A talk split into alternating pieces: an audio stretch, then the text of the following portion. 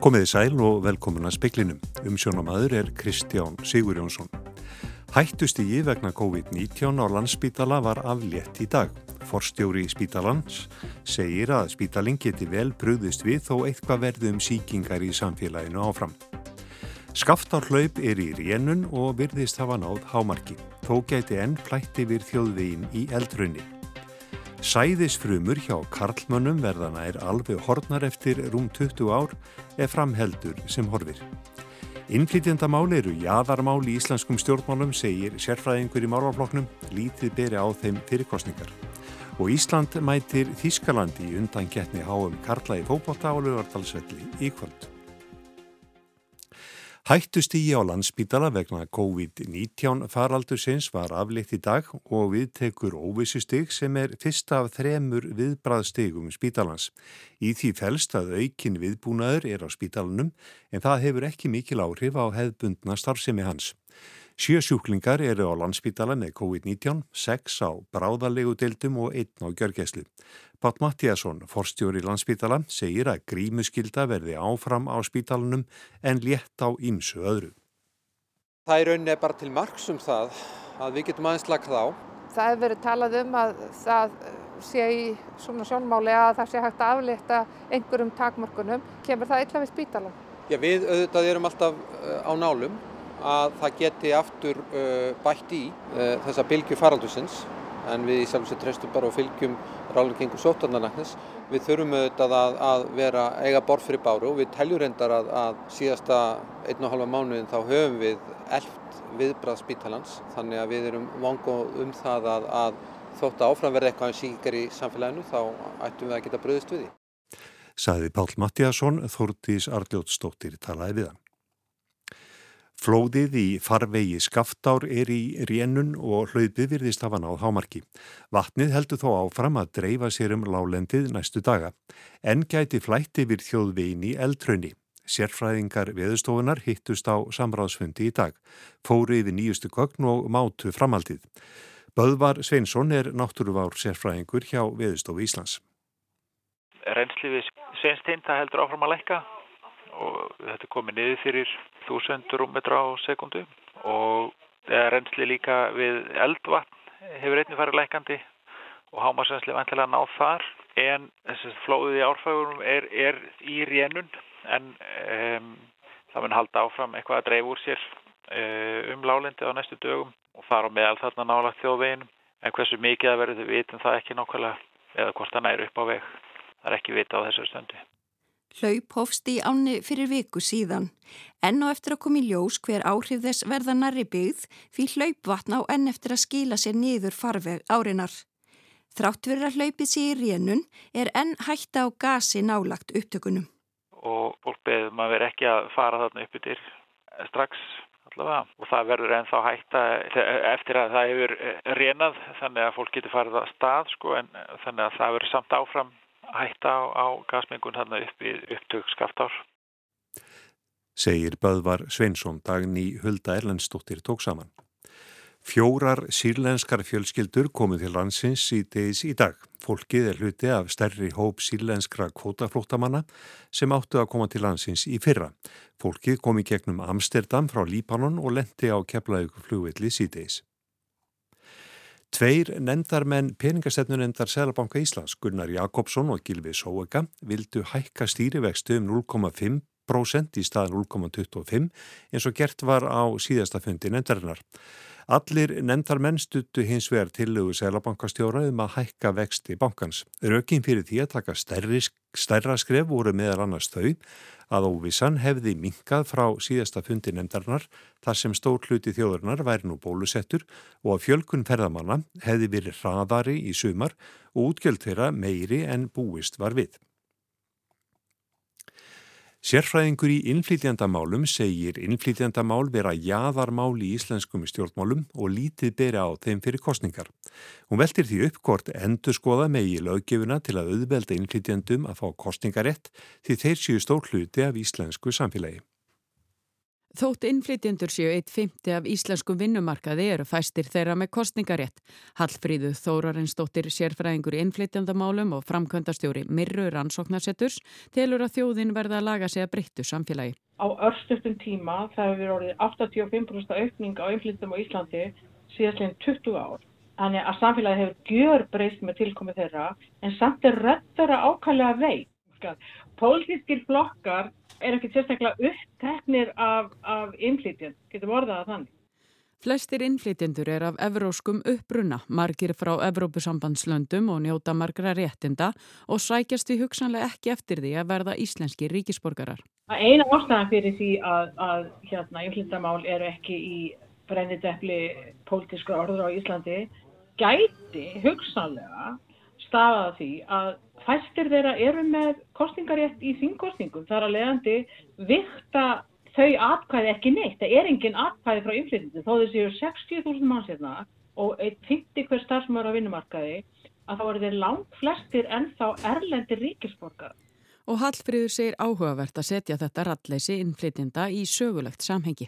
Einu sinni var þannig á Íslandi að, að, að konur fengur ekki kjósa og þetta berjast til að fá kostningarétt og kostningaréttu var líka háður því háður aldri og eignastu og það mætti alveg spyrja sig er þetta kannski óviljandi framhalda því eða, eða hvað og getur við og er vilji, er pólitískur vilji fyrir því þvert á alla flokka að endur skoða þetta laga ákvæði þannig að innflytjendur sem hafa búið hérna í ykkur ákvæði mörg ár, þess að þetta lögu það, er þið kefinn kostningarétt. Þetta var Hallfríður Þórarinsdóttir, Hjördís Rauð Sigurjónsdóttir rætti við hana. 15 félagsamtök þar á meðal Amnesty International og Reporters Without Borders lýsa vannfóknun sinni á réttarhaldum yfir Julian Hessenthaler sem hóist í Austuríki í dag. Upplýsingar frá honum leitu til þess að Austuríska ríkistjórnin sprakk haustið 2019. Fyrir fjórum árum voru varakanslari Austuríkis, Hans Christian Strache og þingflokksformaður frelsisflokksins myndaður og Íbísa þegar þau buðu konu sem þeir töldu vera frængur úsnæs auðjöfus verkefni í skiptu fyrir framlögu í kostningasjóð frelsisflokksins. Síðar komi ljósa konan var tálbeita og varakanslarin því gripin í bólinu. Strache sagði síðar af sér og var í síðasta mánuði dæmdur í 15 mánuða skilóspundið fangelsi fyrir spillingu. Hann hefur áfríðað þeim dómi. Engaspærin Julian Hessenthaler sem skipulaði myndatökunu Íbisa var handtekinn í Berlín í desember í fyrra og framseldur til Östuríkis. Honum er gefið að söka að var selt rúmt kílogram á kokaini á árunnu 2017 og 18. Verði hann fundin segur geti hans beðið alltaf 15 ára fangelsi. Félagsamtökin sem mótmæla réttarhöldurum yfir hestetaler segja að verði hann dæmdu séu það skýr, skilabóð að fæla hugsanlega uppljóstrara frá því að tjá skoðun sína á spillingu í stjórnmálum. Arnar Björnsson saði frá. Sæðisfrömmur hjá Karlmönnum gætu verið nær alveg hortnar árið 2045 haldi sama þróun áfram. Þetta kemur fram á VF umhverfistofnunar. Ástæðan er nótkun og efnum sem eru skadaleg hormónastar sem í líkamans. Rannsóknir í Evrópu, Norður-Ameríku og Ástralíu frá 1973 til 2011 sína að meðalfjöldi sæðisfruma hefur lækkað um 50-60% á tímabilinu. Efnin geta verið til dæmis í þvottaefni, snirtiefnum, raftækjum, tekstíl og málingu. Þau geta einni orsakað lága fæðingarþyngd, leggslímuflakk og fjölblöðru ekkjastokka heilkenni. Nótkunna á mörgum þessara efna er nú þegar ímist bönnuð eða háð takmarkunum í lögum og reglugerðum hér á landi. Berdís Björk Bæringstóttir er sérfræðingur í þráverkum efnum hjá umhverjastofnun.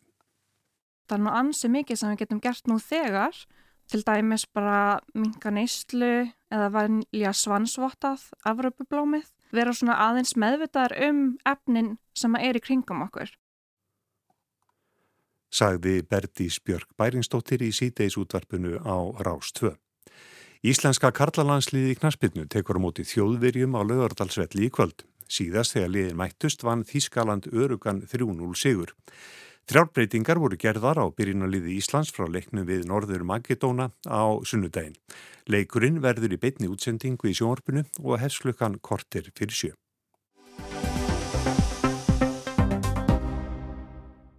It is important for everyone in society to have a strong economy. The greater the number of people who are working in the labour market, the higher the revenue for the state and municipalities in the form of taxes. Tax revenue is used to fund schools, healthcare, hospitals, to construct roads, pay social benefits and countless other things.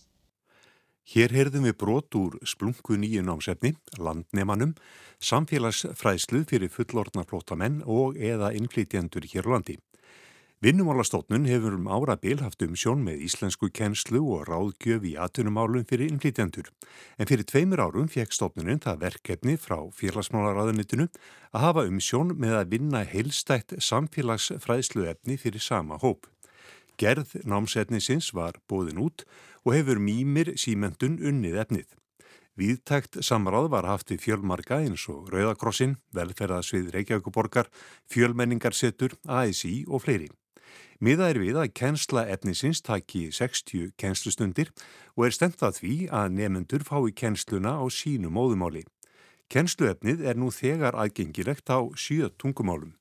Hafliði Skúlason, ráðgjafi flóttamanna hjá vinnumálastofnun, hefur haldið um þræðina í þessari vinnu síðastliðin tvö ár. Það hafa ymsir aðilar í gegnum árin reynd að búa til vís eða svona námsefni og kent samfélagsfræðslu en það hefur aldrei verið mjög heilstætt og kannski ekki varaða lengi og gert af tölurum van efnum. Þegar við tökum við þessu þá er strax ákveðið að gera þetta mjög heilstætt, hafa þetta víðfemt, ítalegt og eins tæmandi og mögulegt er að hafa samfélagsfræðslu ef hún verður einhvern tíman tæmandi. Þannig að þetta er svona til þess að fólk komist í takt við Íslands samfélagins fljótt og hægt er? Já, það er það. Kennslan hefur klárlega tvíþægt markmið. Það er að annars vegar hafa Íslensk stjórnvöld ríka þörf fyrir að koma ákveðnum upplýsingum til skila til þessara nýju flótamanna hér á Íslandi og í annars stað þá hafa henni nýkomnu flóta menn mikla þörf fyrir ákveðnar upplýsingar um Íslands samfélag. Hvernig fer þetta fram í, í praxis? Er verða bekkir, tala menn við hvort annar í, í holdinu eða er þetta alltaf vefnum? Þetta er allt saman á vefnum efnið sjálft og hver veit getur skoða það og er ofið fyrir hvert sem vil skoða. En sjálf kennslan, hugsunin er svo að hún fari fram í kennslustofu með kennara og grunnhugsunin reyning svo að hver nefandi fáið samfélagsfræðsluna kenda á sínu móðumáli. Við gerum okkur grein fyrir því að starfi landsins er þannig og það er ekki alltaf auðvelt að finna kennara sem tala öll þessi tungumáls sem bóðið er upp á.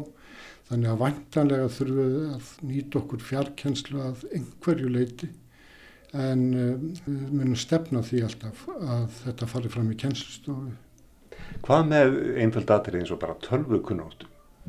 Það er, ég, veit ekki hvort ég að segja vandamála en það kom okkur óvart eftir því sem að kynist fleiri flótamönnum hvað fáir þeirra eiga í raun og veru tölfur. Þannig að það er ekki hægt að gera ráð fyrir því að tölvu eign sé algeng.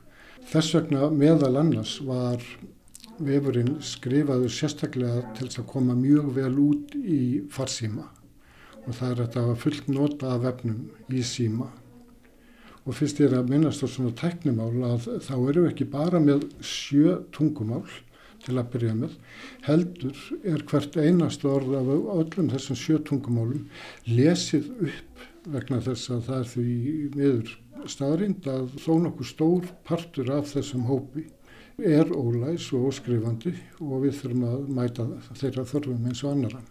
Verður þetta skilda fyrir innflýtjandur að fara í gegnum þetta námskip? Ég skal ekki segja hvað verður en í dag þá er þetta ekki skilda.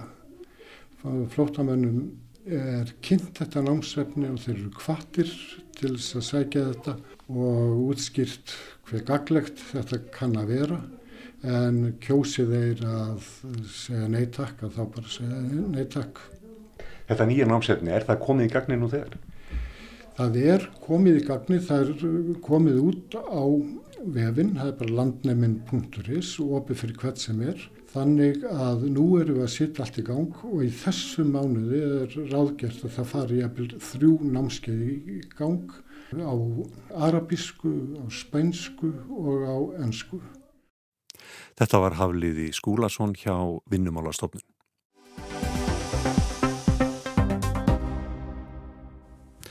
Hvenar er í lægi að brjóta kostningalúvörð? Þessi spurning heyrist ákaft í Breitlandi eftir að Boris Jónsson forsætis ráð þeirra breyta tilkynnti skattahækkunni vikunni.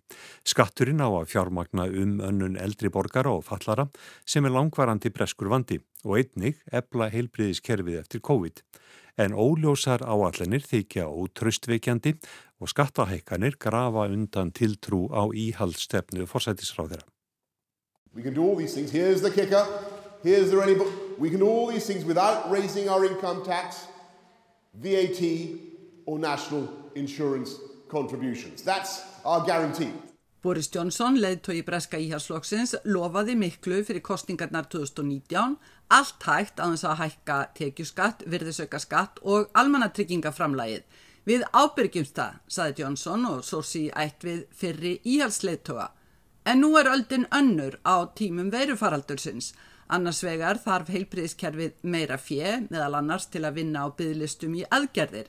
Hins vegar, gamall vandi hér í Breitlandi, að ummönnun eldriborgara og fatlaðra, það er þjónusta í heimahúsum, elli heimilum eða heimilum fyrir fatlaða og aðra sem þurfa á ummönnun að halda, er að miklu leiti greitt úr eigin vasa eða af aðstandendum. Þar af mikið misræmi. Krabbamennsjúklingur á sjúkrahúsi þarf ekki að borga krónu, allsamir sjúklingur sem líkur ekki á sjúkrahúsi en þarf stöðuga umönnun heima fyrir, þarf sjálfur að borga fyrir þá umönnun. Fjármögnun þessarar heilbyrðisjónustu utan sjúkrahúsa hefur verið vandamál í allavega aldarfjörðung. Allir undanfarandi fórsætsráðrar hafa lofað úrbútum þegar fyrir tíu árum kom út ítarleg skísla um fjármögnun þessara þjónustu, kent við höfundennar Andrew Dillnott. Sumir fórsætsráðurar hafa gert tilhlaup til að leysa vandan. Skatturinn sem Gordon Brown leiðtói verkamnaflokksins reyndað koma á hlaut viður nefnið Dauðaskatturinn og dó drottnin sínum. Viðleitni Teresu May, forvera Johnsons, fekk viður nefnið Elliglappaskatturinn og reyndist líka hálgir glöp sem aldrei varð úr. Þegar eftir kostningarnar 2019 sagðist Johnson tilbúin með áætlun sem léttó á sér standa. Þar til í gær að hann kynnti nýtt frumvarp sem á bæði að taka á fjárþörf heilbriðskerfisins og innleiða nýjar fjármögnunarreglur fyrir þjónustu utan sjúgrása. Lausnin er skattaækun. No conservative government, Mr. Speaker, ever wants to raise taxes and I will be honest with the House, I accept, yes, I accept that this breaks a manifesto commitment, which is not something which is not something I do lightly, but a global pandemic was in no one's manifesto, Mr. Speaker. Vissilega engin íhjálpstjórn sem kési skattahækkun Johnson viðkendi að þar með breytan stefnulofórð en alþjóðlegur veirufaraldur hefði ekki verið á neittni stefnusgrá. En hvað fælst þá í nýja frumarpinu? Kanski lærdomur að fyrri viðleitni til dauða og elliglapaskats að í nýja frumarpinu er fletta saman fjárframlægi til heilbriðskerfisins og og fjármögnun umönnunar utan sjúkrahúsa. Johnson kynnti því nýtt gjald sem kallast heilbriðis og umönnunargjald. Í fyrstu umferð er það heilbriðiskerfið sem fær 12 miljardar punta. Það verður ekki farið að greiða samkvæmt nýja umönnunarkerfinu fyrir enn höstið 2023, það er eftir tvö ár. Ádeiluefnið í Breitlandi hefur verið að fólk þyrta að selja ofin af sér til að geta fjármagnað umönnun til dæmis gammals fólks. Sangvænt nýja frumarpinu verður sett takmark á hvað fólk getur mest þurft að borga yfir æfina, 86.000 pund eða 15 miljónir króna. Á hinbóginn þarf fólk að eiga það undir sínu bæjarfélagi hvaða þjónusta er greitt. Nýju skatturinn leggst við skatt sem kallast National Insurance skattur sem vinnuveitendur greiða og launþegar fram að eftirlauna aldri og reyndar lengur ef fólk er áfram vinnandi. Það er því ungt fólk og yngra fólk sem greiðir fyrir þá sem þurfa umönnun. Ímsi stjórnaþingmenn hafa ágjör af einmitt þessu að skatturinn sé óréttlátt skattlagning á vinnandi fólk tilfærsla á fjemilli kynsloða. Kjör Starmer, leðtói verkamannflokksinn, sæði þingjun í dag að áform forsætsráðara væri ósangjarn skattur á vinnandi fólk meðan hann sjálfur vildi heldur tryggja að þeir með breyðubökin legðu fram sangjarnan skerf. His plan is to impose unfair taxes on working people. My plan is to ensure those with the broadest shoulders pay their fair share. Veikleiki verkamannflokksins í þessari umræðu er að hann gaggrínir frumarpið en hefur enga laust á tagteinunum. Það vantar annars ekki gaggrínisrattinnar, það vant ekki bara fjö í umönnunargeiran heldur þurfið nýja áallun sem taki til dæmis á krónískri mannekluðar. Reyndar sama með heilbriðiskerfið, vissulega fjárskortur eftir COVID en líka mannekla sem er einn skýringin á bygglistum í aðgerðir sem voru þegar orðin langir fyrir veirufaraldurinn. Ímsir stjórnarþingmenn higgjast sitja hjá í atkvæðagreðslu um frumvarpið en ekki búist við að stjórninni standininn ógn af því hefur tryggan meirulhuta. Ráþærar hafa lítið tjáð sig. Möguleg uppstokkun í ríkistjórninni nú í vekulógin drefur kannski úr tjáningargleð þeirra. Blöð sem annars stiðja stjórnina hafa tekið skattahækkuninni illa. Á forsiðu dagblagsins Telegraf í dag er mynd af Johnson undir fyrirsögninni hæstu skattar síðan í setni heimsturöldinni. Einnig nýtt á að skattahækkunin marki endalóg sannrar íhjálpstefnu í breska íhjálpsloknum. Sigrun Davísdóttir saði frá.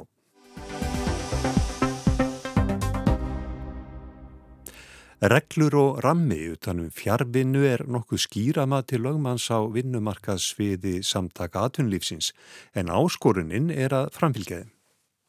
Könnun sem samtöku atvinnulífsins letu gera hjá félagsmönnum sínum sínir að 47% atvinnureikenda hefur fremur lítin eða mjög lítin áhuga á að starfsmenn haldi áfram fjárvinu eftir að COVID gengur yfir.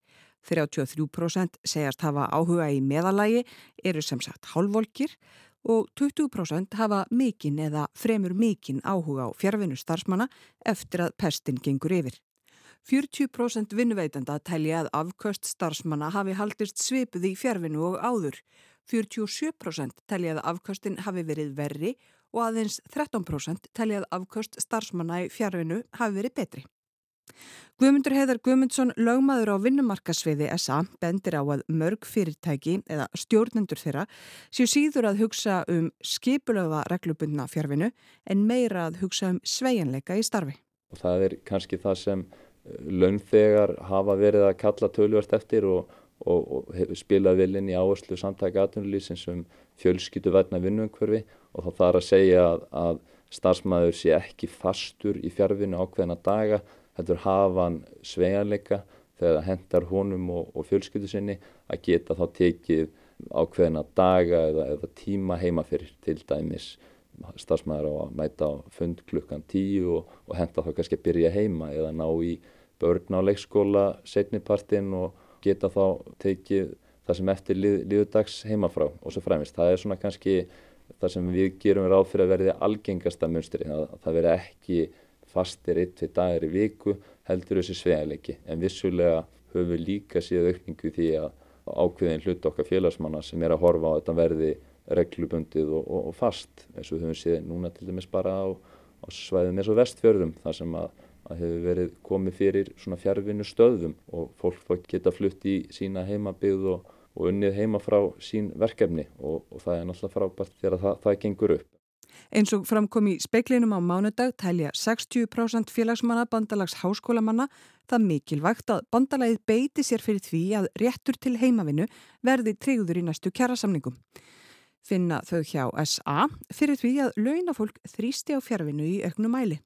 Við gengum frá eh, svona samningsformi núna við eh, bæði BHM og, og önnur félag og háskólamanna, verkfræðingafélag Íslands og fleiri félag í þeirra samflóti þar sem að þetta var mikið áherslumál meðal þeirra aðildar manna að, að það væri lögð aukin áhersla á fjárvinnu og, og það væri einstaklingum og fyrirtækjum einfald að, að ganga frá samningum í þessa veru eins og, eins og að vera. Og og við höfum líka heyrta bara í, í gegnum þjónustu vinnumarkasvið samtækja atvinnulísins að það er í auknum mæli verið að spyrja um fjárvinnu og, þá einni í ráningavittulum og slíkt hvort að, að það sé möguleika fjárvinnu og þá oftar en ekki er þó áherslan sem sagt á, á þennan sveianleika hvort það sé möguleika því og auðvitað það er eitthvað sem getur það skipt máli við mata á sænkjefni stöðu viðkomandi fyrirtækja hvort að það sé möguleika fjárvinnuð ekki. Þið eruð með sniðmót, það er einhvers konar rammi eða samningur sem að fyrirtæki og, og starfsmenn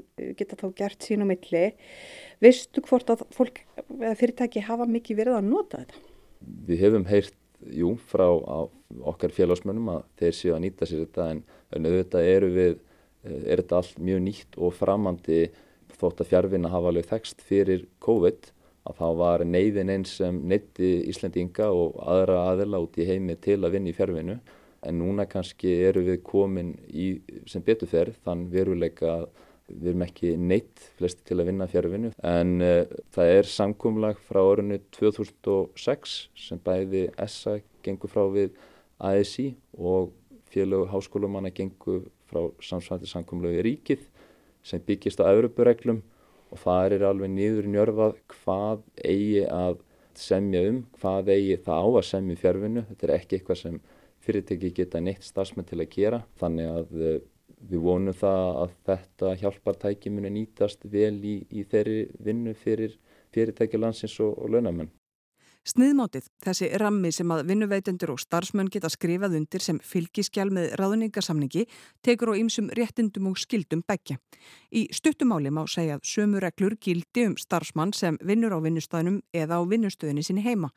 Guðmundur Heiðar bendir á að þetta gildi aðeins um reglubunna fjárvinu þar sem að starfsmæður vinnur fyrirfram ákveðna daga heima, ekki þegar að starfsmæður óskar aftur að vinna tímabundið heima vegna personlegra haga til að mynda veikinda bars. Í skipulaðri fjárvinu þá ber atvinnureikand að útvega starfsmanni tæki og tól til að geta sint sinni fjárvinu bara með sambarilum hættu að gera á sinu vinnustaf eða greiða þá starfsmanni fyrir það. Það er líka þá skuldbindinga atvinnureikanda að taka út öryggi á vinnustafnum, frænkvæma áhættumatt. Þar kvíli þá líka mikil skilda á, á starfsmannunum að upplýsa atvinnureikandanum stöðu mála og að tryggja það að, að hann sé sem örugastur á sínum vinnustæða. Það eru ímisatrið þarna sem, sem þarf að huga að og síðan líka þarf að líta til hluta eins og sumir atvinnureikandur eru að greiða fólki fyrir mat á vinnutíma og annað slíkt. Vinnuveitundur þeirra sem að stunda fjárvinnu reglulega en vinna þó líka á vinnustæðinum hljótað að standa frammi fyrir auknum kostnaði og fyrirhöfnað sumu leiti eigur fjárvinna ekki flækjusti í starfsmannahaldi? Jú, það er nú svolítið sjálfgefið að ef starfsmæður er að vinna bæði á vinnustaf og, heima hjá sér sem vinnustaf, það getur verið flókið og þess vegna er líka mikilvægt að það sé góð yfirsýn og skipula yfir þessa hluti ef þetta á að vera reglubundið. Jú, auðvitað ef starfsmæður er að vinna bæði á vinnustaf og heima frá að þá verður það svolítið aukinn kostnaður fyrir atvinnureikanda að, að skaffa tvöfalt eh, kerfi af, af hverju tvekja ef, ef þörfi er á því. Þannig að þetta er eitthvað sem þarf að, að fara vel yfir hverju sinni og það er enginn sem verður neittur í fjárvinu og heldur ekkit fyrirtæki sem verður neitt til þess að ráða starfsmann í fjárvinu. En gerir Guðmundur heiðar ráð fyrir að réttindi og skildur fyrirtækja og starfsmanna vegna fjárvinu verði stórliður í kjaraviðræðum næstu ára.